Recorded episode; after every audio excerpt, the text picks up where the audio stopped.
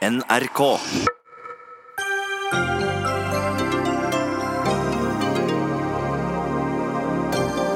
Regjeringa vil ha flere drosjer på veiene. Det kommer til å ødelegge næringa, hevder Taxiforbundet. Det kommer til å gi mer konkurranse og lavere priser, parerer samferdselsministeren. Stortinget endrer reiseregningsrutiner etter fersk avsløring om fusk. Redaktøren i Nettavisen er ikke overbevist, og sier Stortingets ledelse bør rydde opp bakover i tid. Aftenpostens anmeldelse av det omstridte teaterstykket 'Ways of Seeing' spredte løgn og feilaktige forestillinger, mener scenekunstner, som tror debatten om stykket hadde blitt helt annerledes uten den. Og posten skal fortsatt fram, men eh, bare to og en halv dag i uka fra nå av.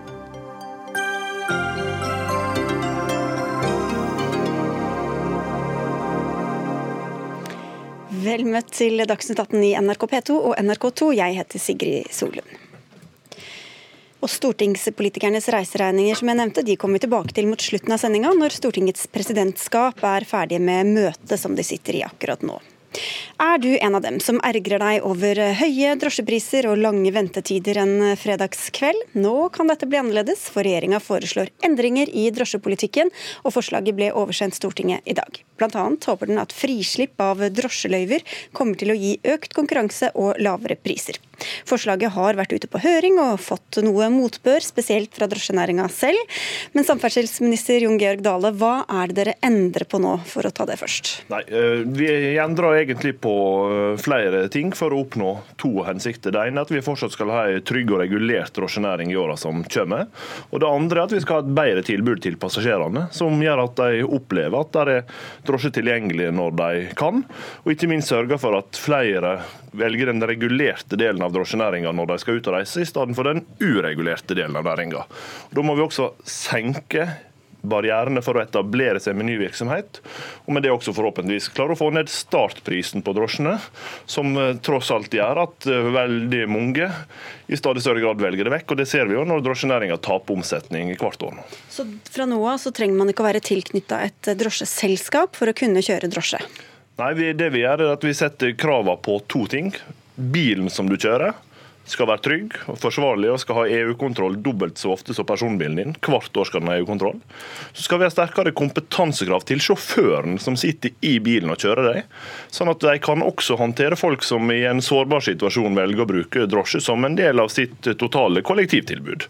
Og Det gjør at vi flytter en del av de kravene som tidligere har vært på løyvehaveren, altså den som eier drosjetillatelsen til den som faktisk kjører bilen. og Med det så både styrker vi kvaliteten på den tjeneste som blir levert, samtidig som vi øker grunnlaget for konkurranse i de store byene. Og så ivaretar vi en siste viktig ting. Nemlig at vi skal fortsatt ha gode drosjetilbud også i hele landet. Derfor får fylkeskommunene mulighet til å tildele en enerett, en monopol i fem år om gangen, i distriktskommunene. Tryggere, bedre, billigere, mer tilgjengelig. Det er altså hva samferdselsministeren håper. Men Roar Refseth, du er direktør i Norges Taxiforbund. Hva tror og hva frykter dere at kommer til å skje? Nei, Hadde det blitt sånn som ministeren har beskrevet det, så har vi vært fornøyd, vi også. Eh, men vi tror egentlig ikke at de her tiltakene regjeringa setter inn, virker etter hensikten. Når man vil ha en rimeligere taxi, så tror vi ikke at de tiltakene man bruker, nemlig å øke kapasiteten, gir det. Erfaringer fra andre land som har gjort det, viser at det ikke er tilfellet. Det er ikke tilfellet i Sverige, det er ikke tilfellet i Danmark, ikke tilfellet i Finland. Og til og med i Samferdselsdepartementets egen utredning, som er bestilt fra Oslo Economics like før dette forslaget kom, påpeker Oslo Economics at det betinger at markedsmekanismene fungerer som normalt i en innkjøpssituasjon hos drosje. Og det gjør det ikke særlig når du er på en drosjeholdeplass og kjøper drosje i hui og hast, altså plukker bare en bil ut av køa. Ja, Det er ikke sammenlignbart med andre varer og tjenester? Nei, dessverre så er det ikke det. Så Hvilket fremtidsscenario ser dere for dere da, i de store byene først og fremst? Vi ser for oss ei overetablering. Vi ser for oss stigende priser, dessverre, motsatt av det regjeringa ønsker å oppnå. Og vi tviler på at det gjør at eh, kvaliteten blir bedre. Når regjeringa senker inngangskravene til næringa, og samtidig ønsker bedre kvalitet, så detter vi av et eller annet sted på veien eh, på det resonnementet. Det er jo det som er, jeg synes er egentlig litt merkelig fra drosjenæringa. De mener punkt én at det blir overetablering, og punkt to at overetablering skulle medføre høyere priser. Hvis det blir en overetablering og en konkurranse, så kan en normalt konkurrere på to ting. Det ene er kvalitet på tilbudet, og det andre er pris. Det skulle altså tilsi at hvis dere hadde rett i at det ble en overetablering, ja, så kunne det enten bli bedre eller billigere, eller kombinasjonen av de to for passasjerene. Og Det er tross alt det som er det sentrale. Ja, men La oss høre hvor logikken ligger i dette. For sånn er det jo vanlig. Du sier vanlige markedsmekanismer, så er det sånn jo mer tilbud, desto lavere pris. Sånn er det helt vanlig. Det er det. Men det er her den rapporten som departementet sjøl har bestilt, beskriver markedssvikten, og Oslo Economics har beskrevet den. Det er ikke noe vi påstår, det er noe som forskere beskriver, og det er noe som erfaring viser. Sverige avregulert ja, i 1990, tror jeg. Hvis det var sånn at avregulering og økt tilgang på taxier skulle gis lavere priser, så burde det være lavere priser i Sverige nå enn det er i Norge. I dag sammenligner jeg taxiprisen i Stockholm og i Oslo. Oslo Taxi, Stockholm Taxi. Justert for valuta så er prisen omtrent lik. Hvis du justerer for lønnsnivå og kostnadsnivå i de to landene, så er det relativt sett rimeligere i dag å ta taxi i Norge. I Finland steg prisene med 14% etter avreguleringa. Grunnen er følgende. Det kommer masse biler ut i et marked som består kun av holdeplassmarked. Dette gjelder bare dem som tar på holdeplass. De bilene har ingen annen kjøring, de har ikke noe annet sted å gjøre av seg. De står i kø. Det betyr at det blir mer tomkjøring, de bruker lengre tid mellom hver tur. Kostnadene deres øker, og da skjer det motsatte. Da går prisen opp. Det er bare å se på prisutviklinga i Oslo de siste årene, så ser man det. Men hvorfor skal de ønske å kjøre drosje hvis ikke de kommer til å tjene penger på det? Vil ikke da færre jobbe som drosjesjåfører, da? Ja, men det, det kan man kanskje si at det vil bli på lang sikt, men ingenting som tyder på det i de andre markedene. Det er, det er lave barrierer for å komme seg inn i yrket allerede i dag. Det er mange som ikke har så veldig mye valg. De tar det her. Det er veldig mange som kommer til Norge og som bruker drosjeyrket som en inngang til arbeidslivet. Det er kanskje en av de største næringene når det gjelder integrering. Eh, og Det betyr at det alltid er et omfang av personer som ønsker å prøve lykken i dette markedet. Og Dale, Det er flere rapporter her også, en fra Transportøkonomisk institutt om drosjetrafikken i Oslo, som viser at det er lav kapasitetsutnyttelse. Så Hvorfor legge opp til at enda flere biler skal stå på tomgang på holdeplassene rundt om? Fordi at jeg tror at Det vi ser nå er jo at hele transportmarkedet er i endring, og det rammer også drosjenæringa. Derfor går også omsetninga, til tross for at vi reiser mer, så går omsetninga i drosjenæringa ned. Det handler om at vi som forbrukere, og vi som kunder, vi velger andre måter å bruke tjenesten på. Andelen som reiser med kollektivtransport øker. Andelen som bruker bildelingstjenester øker. Eh, andelen som har det som de kaller som kameratkjøring eller kompiskjøring i helgene, øker. Eh, og vi er helt sikre på at hvis vi skal få til ei seriøs drosjenæring også i framover, så må det være lave etableringshindre og forhåpentligvis også lav, høyere kvalitet, kombinert med at i hvert fall ikke prisene fortsetter å vokse, sånn at vi kan oppnå én felles ting, og det er at vi har en regulert drosjenæring som gir en trygg arbeidsplass, men som også gir et bedre tilbud til passasjerene tross alt. Jeg vil snakke litt mer om passasjerene. Inger Lise Bliverke, du er direktør i Forbrukerrådet. Dere har vært en av høringsinstansene og er positive til dette, denne fjerningen av behovsprøving av drosjeløyver. Hvorfor det? Vi har jo jobbet med taxinæringen i veldig veldig mange år, ti år tror jeg, eh, for å få den bedre sett fra et passasjerståsted. Og Vi utarbeidet også en rapport i 2013 som la grunnlag for veldig mye av det høringsforslaget, og derigjennom også lovforslaget. Så, så, det er klart at i dag så er vi rimelig godt fornøyd, det må jeg si. Ehm, vi opplever jo med dagens situasjon at vi som passasjerer ikke får den tjenesten vi både betaler og har krav på. Vi opplever at den eh, er for høyt priset, og at det også er utrygge situasjoner eh, i drosjen bransjen. Eh, og Det mener jo vi at langt på vei dette forslaget eh, retter på. Eh, vi tror på konkurranse på like vilkår. Vi tror også at når kompetansekrav faktisk settes til sjåførene, som er den jeg setter meg inn i bilen hos, og ikke løyvehaveren, så vil det føre til en tryggere og bedre og mer profesjonell tur også for meg. Det kommer til å bli stilt strengere krav til både vandel og kjøretøy. Det setter jeg som passasjer pris på. Og I tillegg så skal loggen fra turen min den skal loggføres og tas vare på i 60 dager. Så dersom jeg likevel opplever utrygghet og ubehageligheter, så vil jeg ha bevis eh, dersom det går til politianmeldelse. Eh, for det første, Når det gjelder vandel og kjøretøy, så er kravene akkurat som i dag. Eh, det er krav til vandel og kjøretøy i dag også.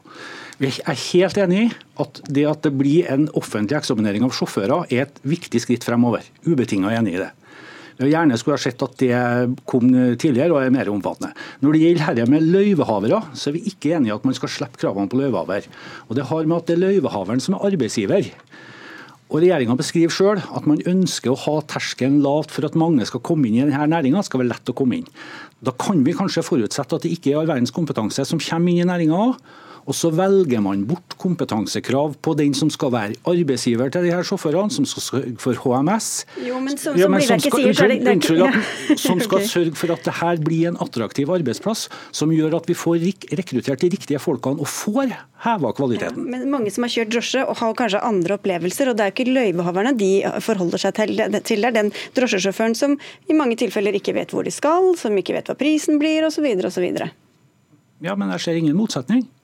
Altså, vi, vi sier at sjåføren Det er jeg. Det er jeg. Fordi at fordi at... at det, dette forslaget som vi er langt på vei fornøyd med, det må også kobles opp mot uh, noen flere reguleringer. Der er jeg helt enig med, med Taxiforbundet. Uh, det har blitt ut utredet hvordan man kan eh, finne fram til alternativet til taksameteret for å utnytte teknologiutviklingen. Så Det er klart at vi er, helt, vi er veldig opptatt av at det faktisk må være sånn at uh, det er ikke hvem som helst som skal få lov å kjøre taxi.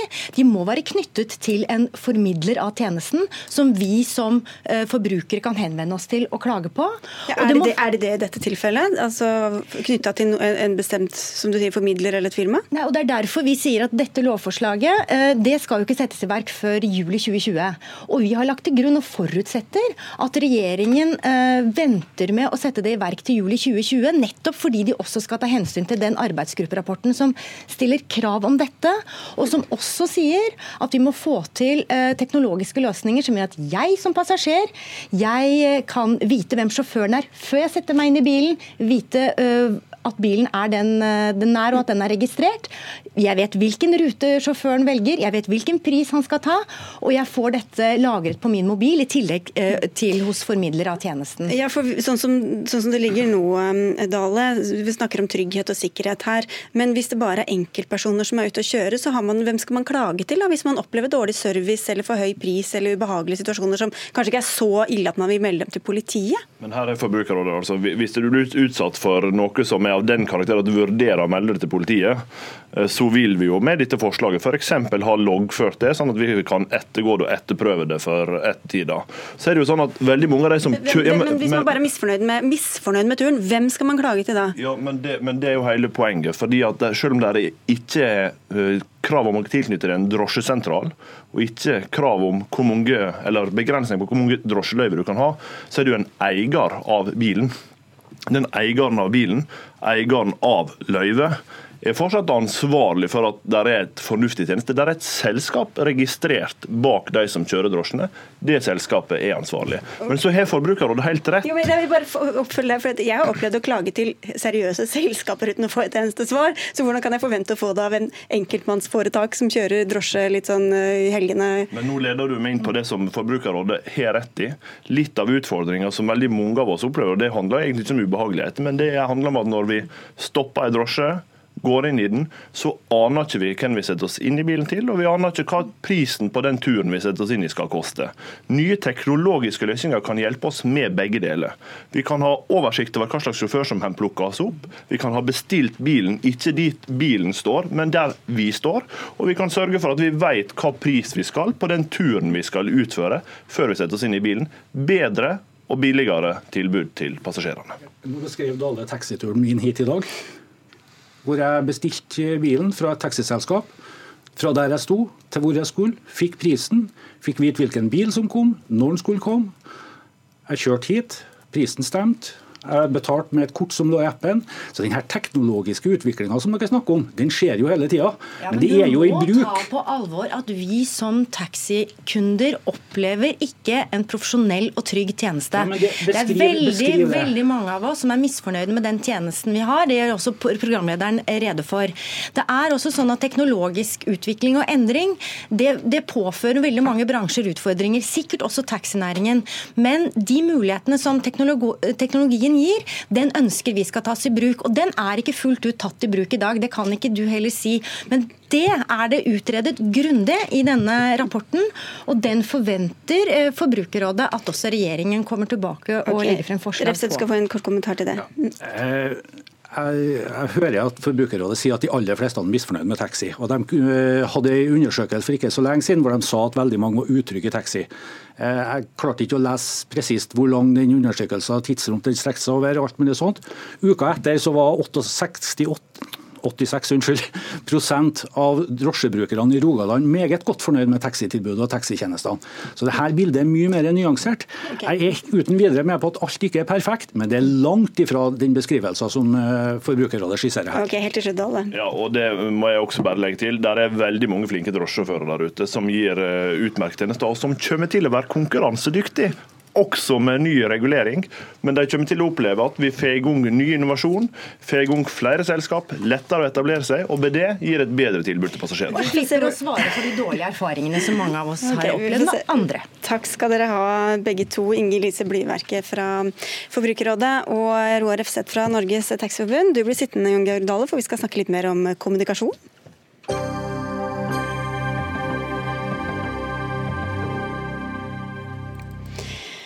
For de fleste av oss er eh, brev i postkassa en nokså sjelden affære, men enda sjeldnere kan det bli. For nå skal post bare leveres vekselsvis to og tre dager i uka, ifølge regjeringas forslag til ny postlov. Lokalaviser landet rundt har lenge fryktet en ny postlov, og dere mener også at dette er en ikke optimale løsninger, Irene Halvorsen, du er redaktør i eh, Nasjonen, distriktenes næringsavis. Hva mener du at denne ordninga får å si for, for landet vårt, for å være litt pompøs.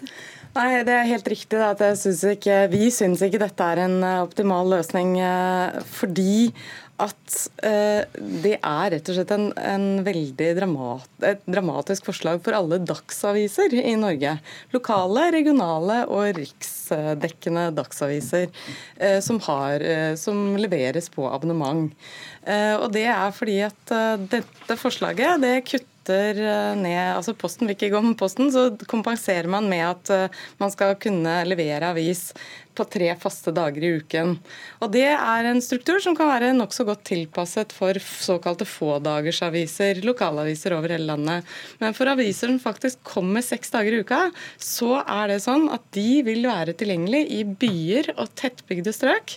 Men på 1400 postnumre rundt om i landet, så vil ikke det lenger være mulig å få avisa hver dag. Og For å bruke dere som eksempel, da, hva kan denne lovendringa få å si for dere, tror du?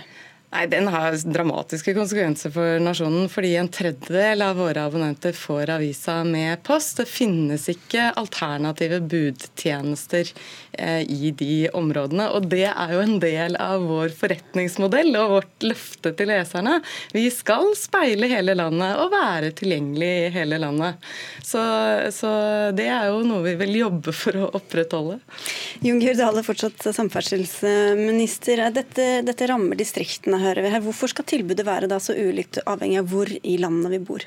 Utgangspunktet så skal det ikke det. Det blir to og en halv dags postomdeling i hele landet. og Det er ikke for det, Irene Halvorsen, fordi Posten vil slutte å gå med Posten, men fordi vi nesten ikke har post å gå med. Fordi at vi som forbrukere opplever at vi har fått e-post, og vi har fått nettbank og vi har fått en hel rekke digitale løsninger som gjør at vi rett og slett har slutta å sende brev. Men Er du enig i situasjonsbeskrivelsen for hvordan det vil slå ut for lokalavisen, regionalavisen osv.?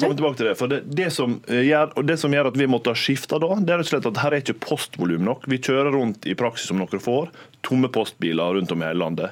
Det er sløsing med ressurser, og det gir ikke bedre tilbud til folk i distriktene. Men det er vi enige om at det skal vi prøve å levere. Vi skal levere bedre tilbud til folk i distriktene. Derfor har vi vært opptatt av én ting til, i tillegg til at vi må omstille Posten, nemlig at vi må få levert lokalavisen ut til folk. Og I de høringsrundene vi har hatt om endring i postlova, så har vi sagt, har mediebransjen sagt. Punkt 1. Vi må ha forutsigbarhet på hva slags dager vi kan regne med at posten kommer ut. Og vi må ha tid til omstilling. Fordi hele mediebransjen er i ferd med å omstille seg til digitale plattformer. Så man får lov å ha tid til å få gjort den jobben. Og så har vi sagt OK, det tar vi på alvor.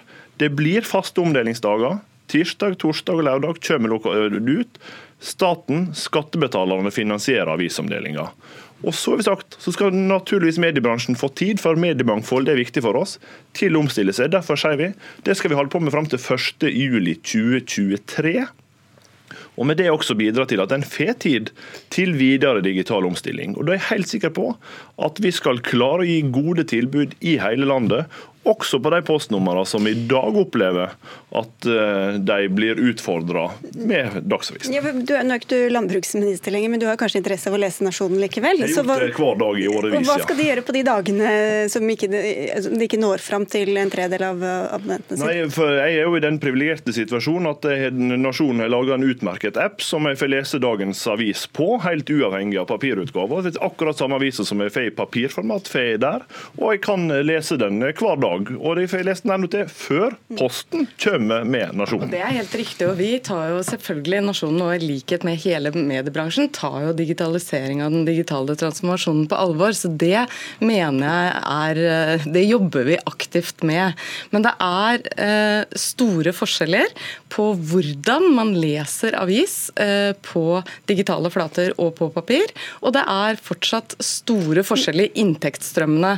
I eh, alle norske medier så er det sånn at 75-80 80% av de totale inntektene kommer fortsatt fra papir. Ja, men Nå får dere dra dere til å dra dem over på det digitale, da. Det er jo det dere ønsker? Ja, men Det handler ikke bare om å ha gode digitale tilbud, det handler også om selve medievanene og leseropplevelsen. Og En stor undersøkelse, internasjonal undersøkelse, som er nokså relevant også i, i Norge, viser at en papiravisabonnent leser 30-40 minutter i avisa si hver dag. En digitalabonnent er nede på minuttet. De store, tunge digitalbrukerne sånn som deg, leser mye, mye mer. Men generelt så er avislesinga da mye, mye lavere. Og det gir utfordringer for annonseinntekter, men det gir jo også store utfordringer for den eh, demokratiske samtalen.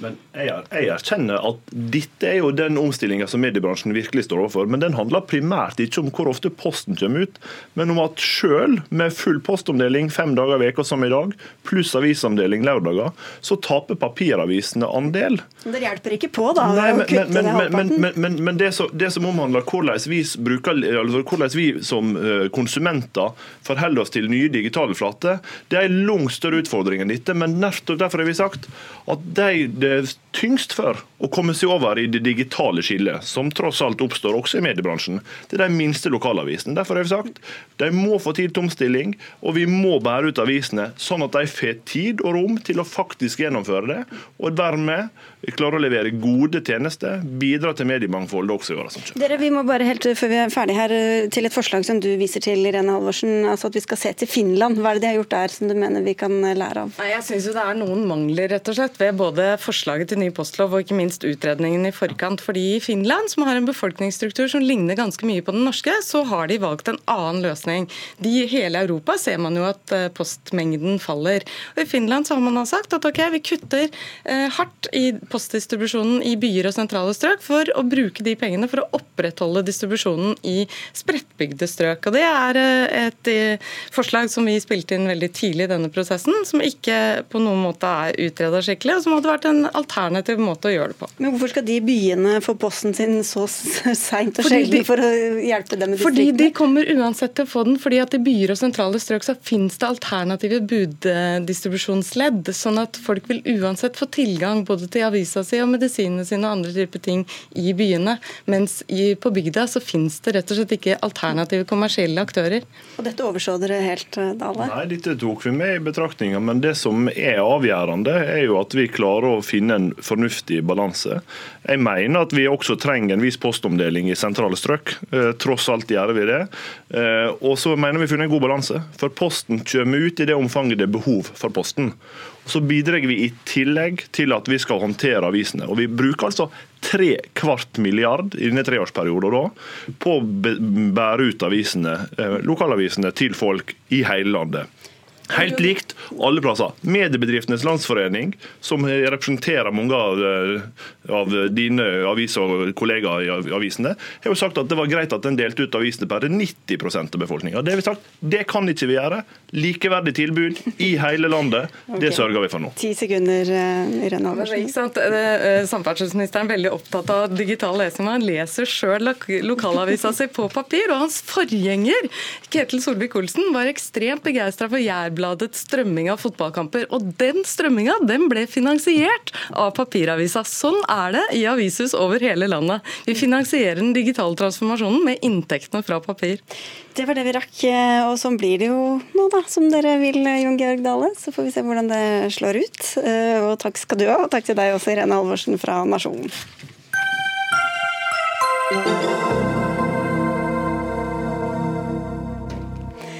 En avgått justisminister med en samboer som er sikta for å ha tent på familiens bil, Hatsk og høylytt debatt om rasismeanklager og om ytringsfrihet.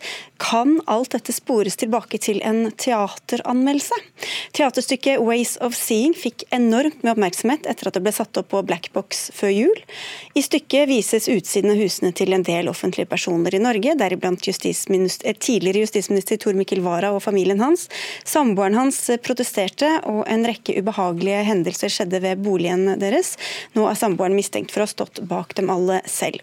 Men hvordan kunne dette ta så voldsomt av? I en kronikk i Dagsavisen i går spør du om en anmeldelse av stykket i Aftenposten brakte debatten på feil spor helt fra begynnelsen av. Marianne Solberg, du er forfatter og scenekunstner, men du er også nå tilknyttet Ways of Seeing gjennom å være turnéprodusent for dem nå de siste dagene. Hva mener du at denne nevnte omtalelsen har hatt å si for hvordan hele denne saken ble oppfattet og så utviklet seg? Jeg mener at det er eh, Hvis vi går tilbake i tid, da, eh, så mener jeg at eh, det er denne anmeldelsen som er første, den første roten til det som skjer senere.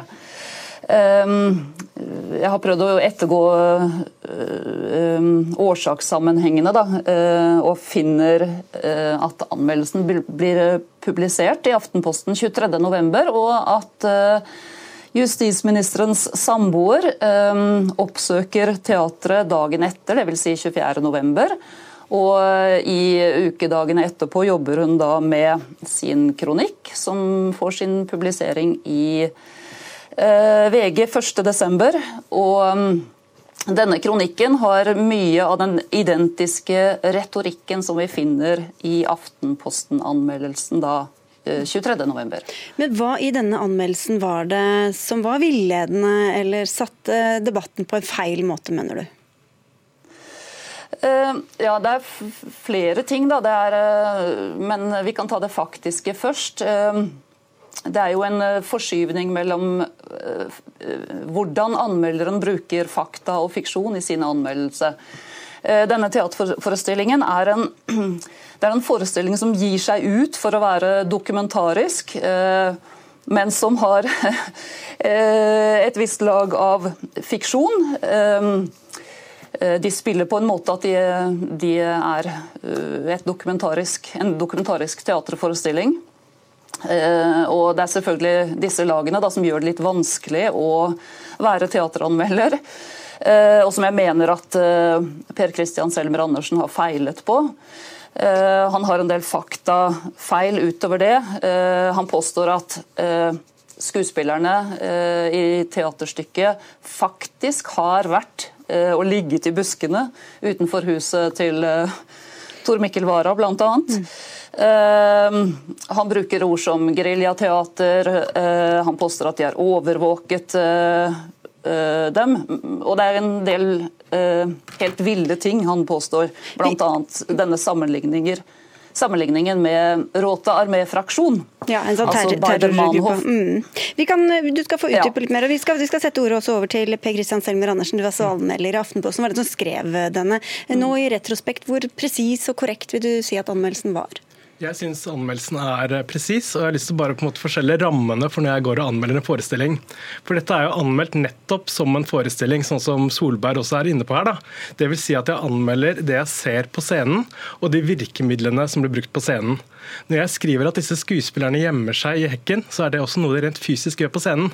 Det er en hekk, og det er noen bus eller en busker i hvert fall på scenen som det går og gjemmer seg inn i, samtidig som at de forteller eh, om hva, hvordan de da på en måte har gjemt seg rundt i Varas hekker og i andre samfunnspersoners hekker. Og så skriver jeg eh, veldig tydelig i anmeldelsen, og det har jeg forsøkt å skrive tydelig i de kommentarene jeg har skrevet senere også, at dette er fiksjon.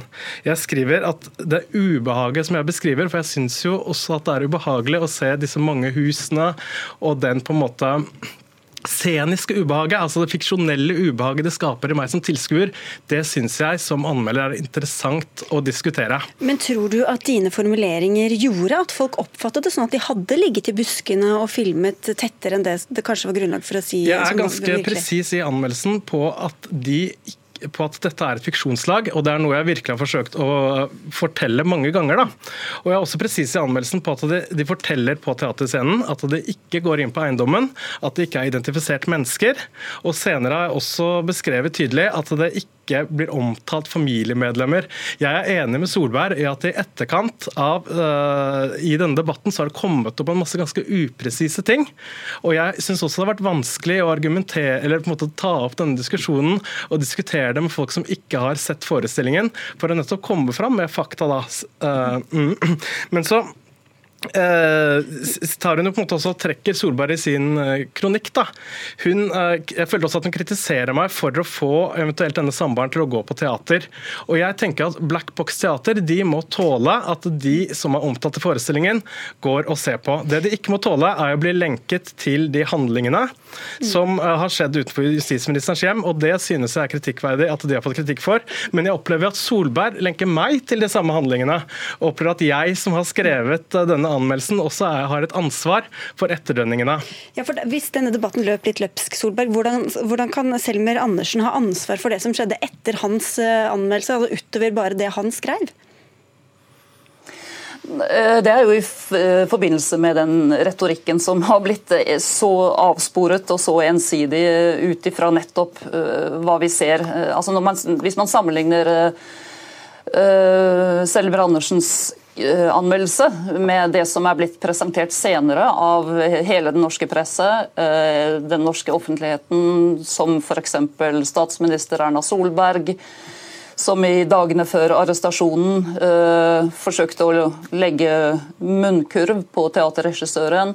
Vi ser det hos eh, Aftenpostens egen kommentator Harald Stang-Helle når han snakker om piratopptak som om det er gjort en kriminell handling. Og det er Selmer Andersen i Aftenposten som første gangen presenterer eh, denne løsningen.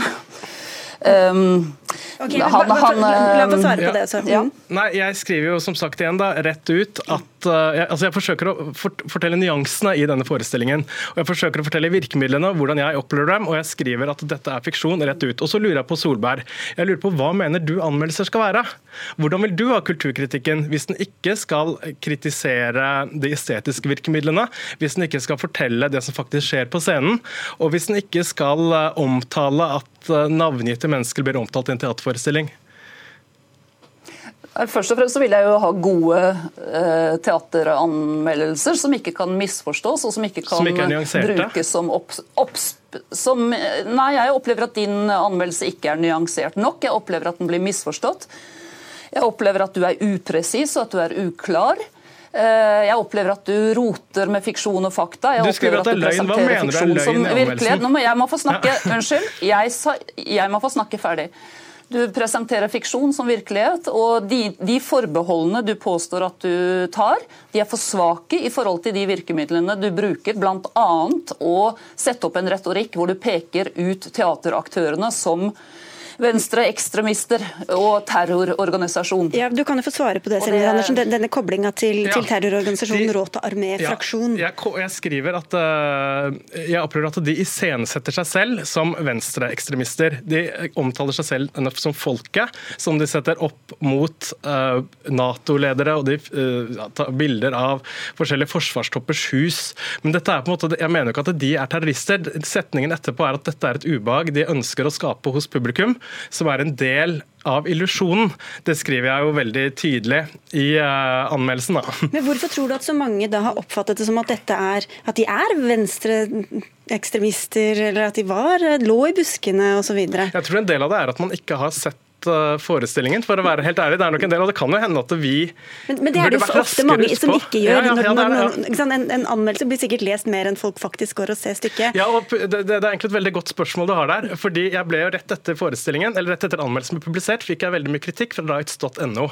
Og det var nettopp med motsatt fortegn. De mente at jeg hadde skrevet for mye at dette var illusjon. De, det var egentlig en ganske lik kronikk som det Solberg har skrevet, men hvor det var helt andre ting som var sitert, og hvor de mente at jeg løp denne teatergruppens ære nærmest, de skrev ikke det rett ut. Og, og, og, igjen da, Solberg, Hvis andre misforstår eller drar, drar dette videre, hvordan skal en anmeldelse kunne, kunne klandres for det at andre misforstår?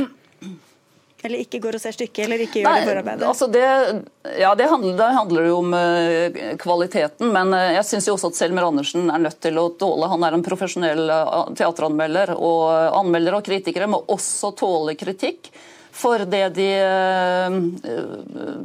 publiserer, og særlig må man tåle kritikk når man sammenligner en teatergruppe med Rota Armé-fraksjon. Og Det er den retorikken som har eh, holdt seg i norsk offentlighet i fire måneder.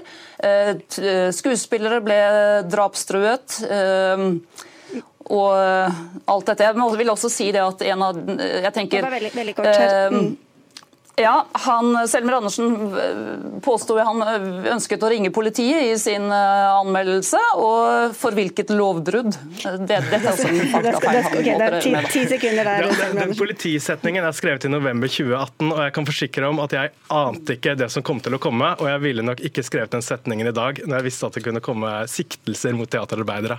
Ok, Det får bli siste ord. Takk skal dere ha begge to. Eh, Marianne Solberg med fra Porsgrunn, og til deg Per Christian Selmer Andersen, som også er kritiker i i Aftenposten. Hør Dagsnytt 18 når du vil. Radio NRK Radio.nrk.no.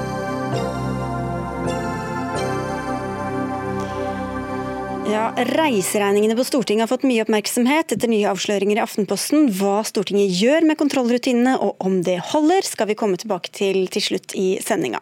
Men idet Dagsnytt 18 gikk på lufta, gikk også EU-toppene i Brussel i krisemøte etter at Storbritannias statsminister Theresa May nok en gang har bedt om en utsettelse av den britiske løsrivelsen fra EU. De skal bestemme hvor lang frist, om noen i det hele tatt, britene får på å bli enige i eget parlament. Brussel Brussel-korrespondent Philip Lote, du følger toppmøtet nå i kveld. og Hvilke alternativer er det som ligger på bordet? Det er fire alternativer. En kort utsettelse, en lang utsettelse, en lang fleksibel utsettelse, eller ingen utsettelse i det hele tatt. Det som er litt spesielt med dette toppmøtet, som det er andre gang de skal ta stilling til, eh, det samme spørsmålet fra Theresa May, kan vi utsette brexit til 30.6? Eh, Forrige gang så var ikke uenigheten blant de 27 gjenværende medlemmene så tydelig, men den kom fram i løpet av møtet. Nå vet vi på forhånd at eh, Frankrike er dypt skeptiske, kommer til å stille ganske harde betingelser betingelser. og sa, eh, President Macron sa idet han kom inn nå for under en 40 eh, minutter siden, at eh, det ikke er gitt at en utsettelse vil bli gitt. Mens andre var mer imøtekommende overfor britene. Og Merkel sa bl.a. at man må være fleksible og konstruktive overfor den britiske statsministeren.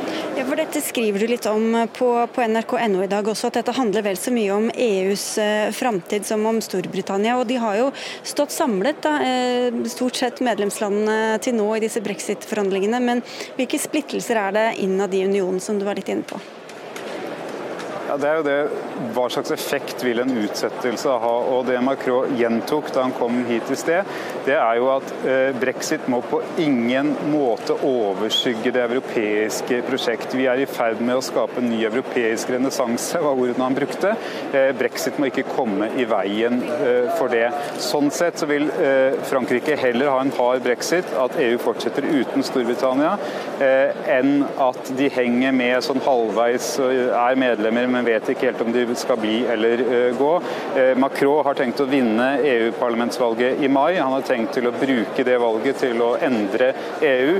Han blir endret, eh, utfordret av ytre høyrepartier som er sterkere, bedre organisert i Italia, Frankrike, Nederland og Tyskland. Han vet at dette er en kamp han kan vinne, og at den er lettere å vinne hvis han utkjemper den i et åpent landskap og ikke skyggen av ubesluttsomme briter, for å si det sånn. Så Hvor viktig er det for EU hva som kommer til å skje nå, hvilket forhold de får til Storbritannia? Ja, For Tyskland så er det jo viktig f.eks. å ha et avklart forhold for tysk næringsliv og tysk eksport. og Derfor så er de også mer pragmatiske, mindre ideologiske. Så For første gang så ser vi et tydeligere skille mellom eh, Macron og Merkel i eh, dette spørsmålet. Eh, også eh, Donald Tusk, altså presidenten for EU-rådet, eh, e har vært ekstremt eh, mye langt tydeligere i det siste. Og nærmest sagt at han håper og ønsker at britene blir værende værende. Han sier at det er et flertall i Storbritannia i dag som ønsker å bli værende i EU, og man må lytte til dem.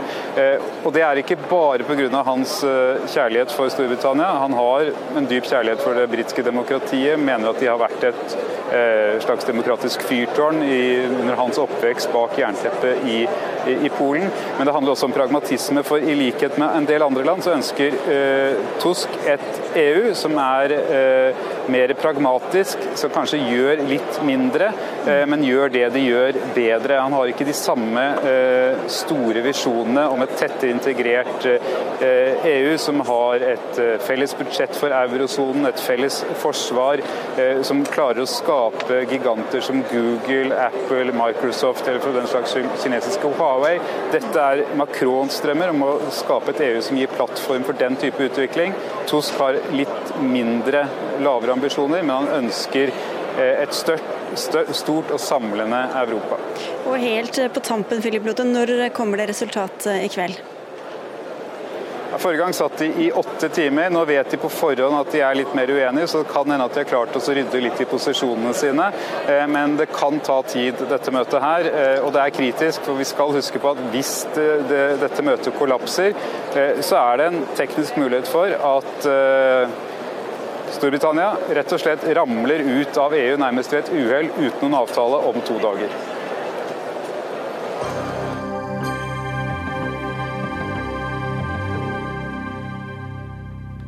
Bør de yngste skolebarna få gratis skolefritidsordning? Ja, mener Arbeiderpartiet. På landsmøtet sist helg gikk partiet inn for et langsiktig mål om å gi førsteklassingene et gratis tilbud etter skoletid, slik at ingen seksåringer må gå hjem alene fordi foreldrene ikke har råd til å ha dem på skolefritidsordning eller aktivitetsskole, som det heter i Oslo. Utdanningspolitisk talsperson i Venstre, Guri Melby. Du er kritisk. Hvorfor unner du ikke familiene dette gratis tilbudet? Jeg synes Det er kjempebra at Arbeiderpartiet ser det samme som Venstre, at SFO for en del familier er for dyrt, og at noen derfor velger å ikke bruke det pga. pris. Og Gjerne er det de ungene som trenger det aller mest også. Eh, men så er det jo sånn da at i et velferdssamfunn så må vi jo prioritere litt hvordan vi bruker eh, godene, hvordan vi fordeler velferdsordningene. Eh, og Derfor så har Venstre veldig lenge kjempa for gratis SFO for barn fra lavinntektsfamilier, og det har vi også fått gjennomslag for i regjeringsplattformen, så det kommer til å bli innført med denne regjeringa. Men den modellen som Arbeiderpartiet har gått for, den syns jeg er litt pussig. da. For det de sier er at de... Usosial, kaller det Ja, usosial. Det er egentlig et bedre ord. Eh, for det de vil, er å gi gratis SFO til alle førsteklassinger. Fordi at det er usosialt at en førsteklassing ikke kan delta i SFO hvis familien ikke har råd. Men det er da åpenbart greit hvis en andre, tredje, fjerdeklassing ikke kan det. Og det syns jeg er ganske usosialt. Da jeg, Hvis du har knappe ressurser, du ikke har råd til å gi det til alle, så ville da Venstre valgt å bruke det på lavinntektsfamilier fra første til fjerde trinn. Nils Kristin Sandtrøen, stortingsrepresentant for Arbeiderpartiet. Ja, usosialt hører vi her. Hvorfor skal bare førsteklassingene få det? Det er eh, vel kjent at Arbeiderpartiet er et grunnleggende sosialt parti. Det var derfor vi ble starta opp, for å sørge for bedre fordeling, og at arbeidstakere og familier skal få bedre framtidsutsikter. Og Det gjelder jo denne saken òg. For eh, det er litt feil referert det som går fram her nå. Det er riktig. Alle førsteklassinger skal få gratis aktivitetsskole med ordentlig innhold. Eh, kultur, idrett, ordentlig mat. Men så er det også sånn at vi tenker at det er viktig at vi sørger for at alle får muligheten til å kombinere velferdsstaten vår med å jobbe sjøl. Det er da vi mener at vi må heller sørge for at det er en gradering som gjør at du ikke taper penger på å jobbe, eller å jobbe litt mer, som spesielt da gjelder noen innvandrerkvinner, som er på en måte debatten knytta til det som det kalles behovsprøving. Jo, for Hvis jeg da skal lese vedtaket, da, så er det sånn altså at Altså fra regjeringa, Nei, dere? vårt, fra, fra Arbeiderpartiets landsmøte så sier vi at ordninga med moderasjonsordninger og kjernetid generelt for de fattigste kan fungere som en fattigdomsfelle fordi det ikke lønner seg å gå ut i arbeid. Arbeiderpartiet vil gradere moderasjonsordninger og kjernetid for lavinntektsfamilier, slik at man ikke taper på å gå ut i arbeid eller øke arbeidsinnsatsen. Så Det er det som ligger i den delen. Ok, Da kan du få kvittere ut den, meldingen. Ja, eh, for det første så har jeg strevd litt med å finne ut hva Arbeiderpartiet egentlig vedtok, for det var umulig å lese det på hjemmesidene. Det eneste som sto der, var at man ville ha gratis SFO til alle førsteklassinger. Nå fikk du høre det. Ja, eh, og det syns jeg i så fall er veldig bra, at de da går inn for eh, å se på mer målretta ordninger fra andre til fjerde trinn. Men da syns jeg også det er veldig rart at Arbeiderpartiet er så kritisk til den ordninga som Venstre snakker om, og som regjeringa snakker om, nemlig gratis Eh, gratis SFO etter skoletid for lavinntektsfamilier. For det er jo i praksis da veldig mye av det samme som Arbeiderpartiet foreslår, bortsett fra førsteklassingene der det skal være universelt. Ok, Du kan få svare kort på det, så ingen blir litt forvirra her. Ja, nei, Det er jo veldig lett å forstå Arbeiderpartiets vedtak. Det er jo sånn at Vi har alltid kjempa for at velferdsordningene, ja, velferdsstaten, okay, skal være for alle. Liksom de store ordene, nei, men Det gjelder den saken her òg. Det er derfor det er så greit å forholde seg til vedtaket. Fordi det går inn i vår historie. Ja, men Så førsteklassingene skal få det, og så skal det ja, behovsprøves på, på sikt, så, i, i årstallen over? Ja, På lengre sikt så vil vi jo utvide aktivitetsskolen for enda flere. Behovsprøving fra andre til fjerde klasse og først, gratis til alle i første, er det sånn å forstå? Nei, det er regjeringa som kjører behovsprøving. Vi ja. vil sørge for at det ikke går det skarpe skillet. Ta f.eks. ei inntekt på 550 000. Så vi vil sørge for at ingen havner der at de akkurat taper på Hvordan å jobbe. Hvordan skal det skje da? Nei, Det skjer med at du graderer, så det blir oh, ja, en flytende okay. Som overgang. Som på barnehagebetaling f.eks., at du har en, en stige, liksom? Ja, for Nå er SFO for noen så dyrt, så selv om det på en måte er mindre innhold og mindre kvalitet enn i barnehagen, så er det noen som betaler veldig okay. mye mer. Så det vil vi eh, vekk ifra, sånn at flere faktisk får Betyr det at Arbeiderpartiet går inn for en behovsprøving som er knytta til inntekt fra andre til fjerde trinn? Nei, Vi går inn nå først for gratis SFO for alle på første klasse, og så vil jo vi fortsette jobben for å forsterke velferdstilbudet. Men, men, men Guri Melby, bare spørre om det, for som du sa først at det var usosialt. Hvor er logikken i at hvis ikke alle kan få, så skal ingen få? Altså Hvis ikke første til fjerde kan få, så skal i hvert fall ikke første klasse få?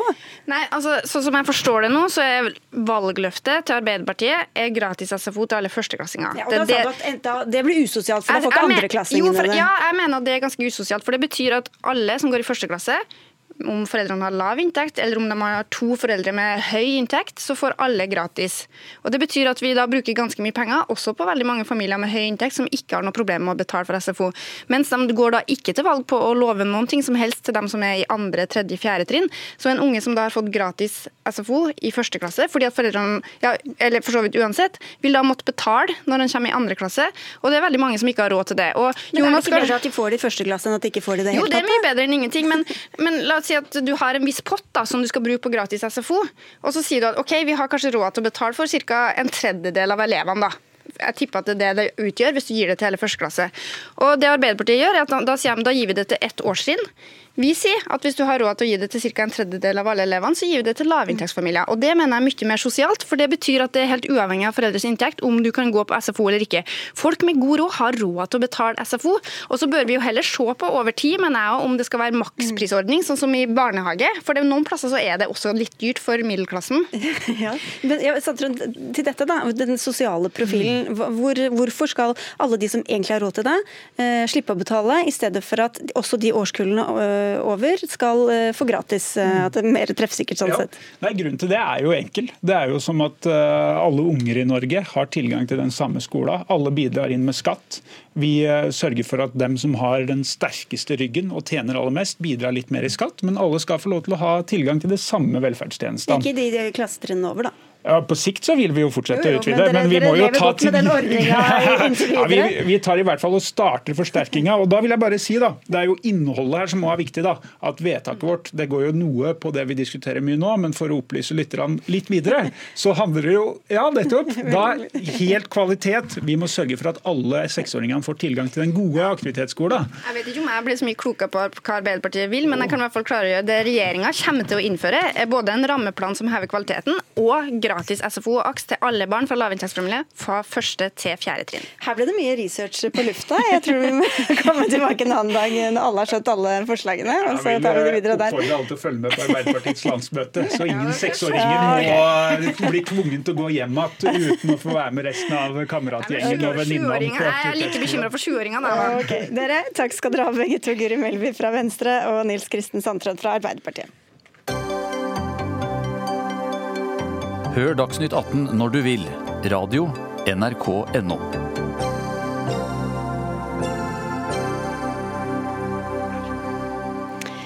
I halvannet år hadde stortingsrepresentant for Arbeiderpartiet Hege Haukeland Liadal fakturert fiktive reiseregninger til en verdi av over 60 000 kroner. Hun oppga å ha vært steder hun ikke hadde vært, og rapporterte inn reiser som aldri hadde funnet sted. Dette avslørte Aftenposten i går, og det er tredje gang eh, på ganske kort tid at eh, stortingsrepresentanter altså blir tatt for å ha fusket med reiseregninger.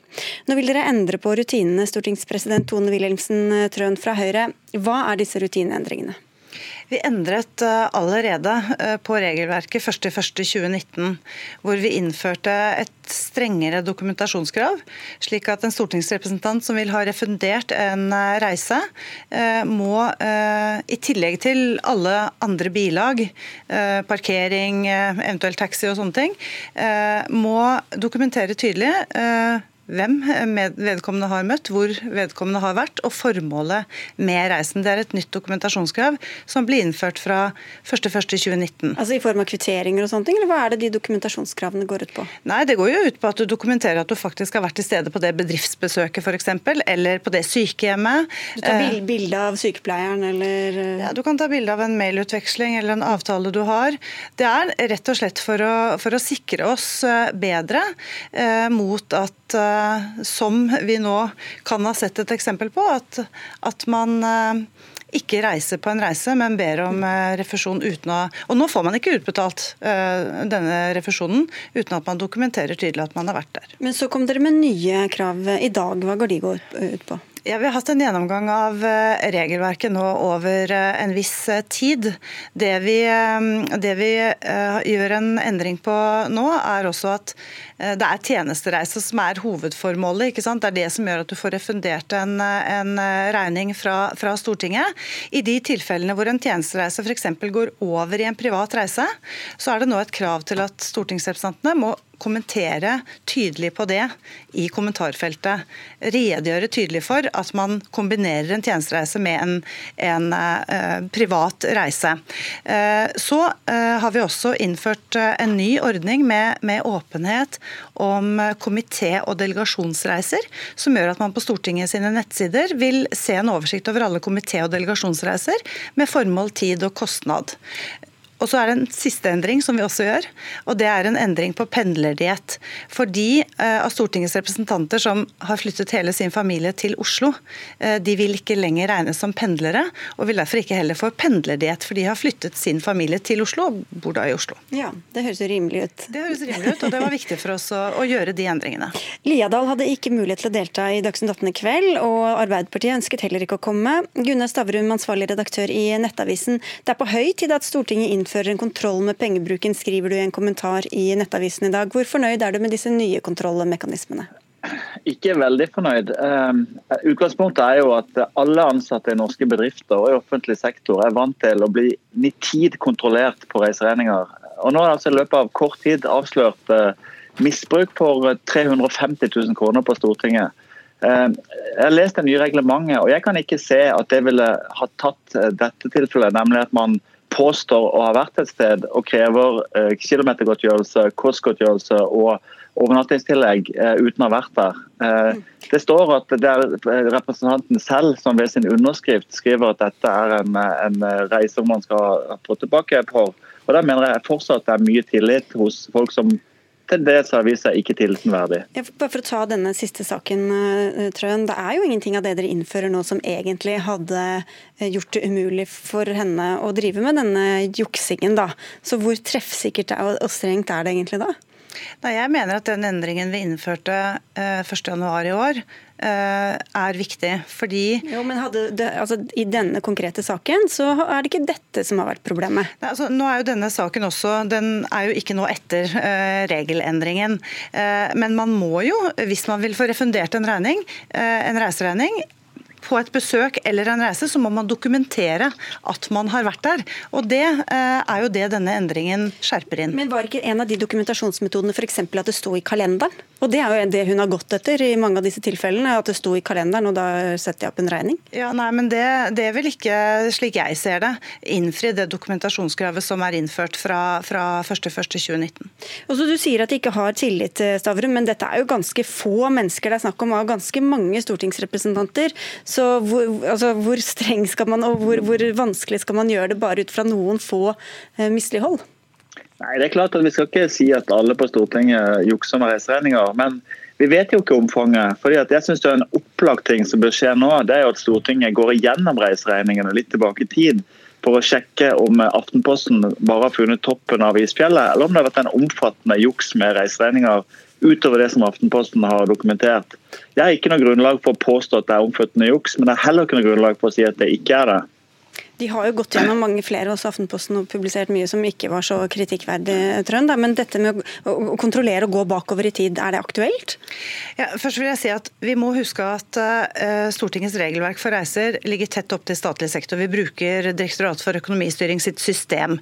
Uh, Enhver reiseregning kontrolleres, av, uh, kontrolleres, tre ganger, bare sånn at ikke det er et etterlatt inntrykk av at man ikke kontrollerer noen ting. Men, men den attesteres ikke slik min regning ville gjort Nei, hos min arbeidsgiver? Det er helt riktig og det er jo fordi en eh, folkevalgt er ikke en ansatt. Eh, jeg er folkevalgt fra Akershus, jeg står til ansvar for mine velgere. Eh, jeg er avhengig av tillit for å utføre oppgaven som folkevalgt, men jeg har ingen overordnet som kan eller skal attestere min reiseregning. Jeg må utfylle mine reiseregninger på ære og samvittighet, og jeg må også dokumentere, særlig nå etter 1.1.2019, at jeg faktisk har vært til stede på de stedene. Og jeg vil men må, må, man ha en overordnet som kan attestere? Kan ingen andre gjøre det bare for å sjekke at det her eh, ser alt riktig ut? Men Den kontrollen foregår allerede i Stortingets administrasjon. Eh, reiseregningene kontrolleres jo opp mot diettsatser, at man har vært der man har vært, at man kan dokumentere det. Men jeg vil jo si at det er veldig vanskelig å innføre et system som, eh, hvor det ikke er mulig å jukse. Altså Det vil være veldig krevende. Men vi har nå tettet de hullene vi mener eh, på dokumentasjonskrav som kan bidra til at vi forebygger bedre. Du, bare for å kvittere ut det, Stavrum, som du var inne på. altså Stortingsrepresentanter er ikke ansatte. De har ikke noen sjef, sånn som det i hvert fall jeg har. Eh, så Hvordan kan man sammenligne det med en vanlig arbeidsplass i utgangspunktet? Det jo, jeg synes jo av og til at de velger det som tjener de best når de definerer seg som ansatt eller tillitsvalgt. Men jeg synes ikke det er noe, det ville ikke vært et voldsomt overgrep om også stortingsrepresentanter hadde noen tatt til stede reiseregningene sine. Eh, Hvem, noe må jo skje. Hvem skulle gjort det? Mange av de er jo, er jo, med i partigrupper, som man kunne gjort det i, i partigruppen eksempelvis. Men, men, men, veldig mange av de reisene er jo ikke nødvendigvis partireiser. Det er, er komitéreiser og andre ja, reiser? Det, det kan jo være komitéreiser, men det kan være reiser du gjør fordi du er medlem av uh, helse- og omsorgskomiteen f.eks., og som ikke er egentlig relatert til at du er del av en partigruppe.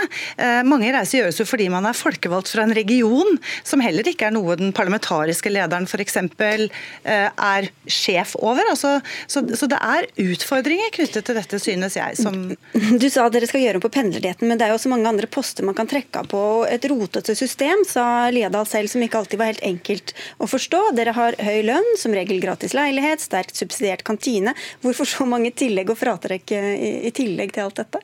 Nei, vi følger jo i stor grad statlig sektor når det gjelder reiseregninger. Det er full åpenhet om våre reiseregninger. Alle bilag får man jo tilgang til hvis man ber om, om eh, innsyn. Eh, og jeg kjenner meg ikke igjen i den beskrivelsen av at vi har et rotete system. Jeg mener at det reiseregningssystemet vi har er veldig enkelt, og veldig greit å håndtere. Vi har en app fra DFØ som, som gjør at du veldig raskt kan levere din reiseregning, som også blir kontrollert veldig nøye. Men så sa Gunnar Stavrum at han mente dere dere skulle gå bakover i tid. Jeg spurte ham kom det over på noe litt annet. Kommer dere til å gjøre det? Vi har ikke tatt initiativ til det eh, enda, og Grunnen til det er jo at vi fra første i første har innført dette skjerpede dokumentasjonskravet. Vi ønsker å se om dette eh, eh, og se at det, det virker. Eh, så vi har ikke per nå eh, vurdert det. Vi får ta videre vurderinger av dette, både kontroll fremover og bakover. Ja, hva, hva gjør det med tilliten til dere at det er Aftenposten som avslører dette, og ikke Stortinget selv? Nei, Det er jo en viktig del av den demokratiske kontrollen at det er fullt innsyn. Eh, og Det medfører også da at, eh, at eh, journalister får muligheten til å gjøre denne type um, funn. og det, det, må vi forholde oss til. Det er en del av den demokratiske kontrollen, og slik sett så er det bra og åpent. Ja, godt er det. Takk skal dere ha begge to, Tone Wilhelmsen Trøen fra Høyre og Gunnar Stavrum fra Nettavisen. Dagsnytt 18 er over for i dag. Det var Simon Skjelbostad Yseth som hadde ansvaret for den. Marianne Myhrol hadde det tekniske ansvaret. Jeg heter Sigrid Solund, og vi ønsker alle en fin kveld videre.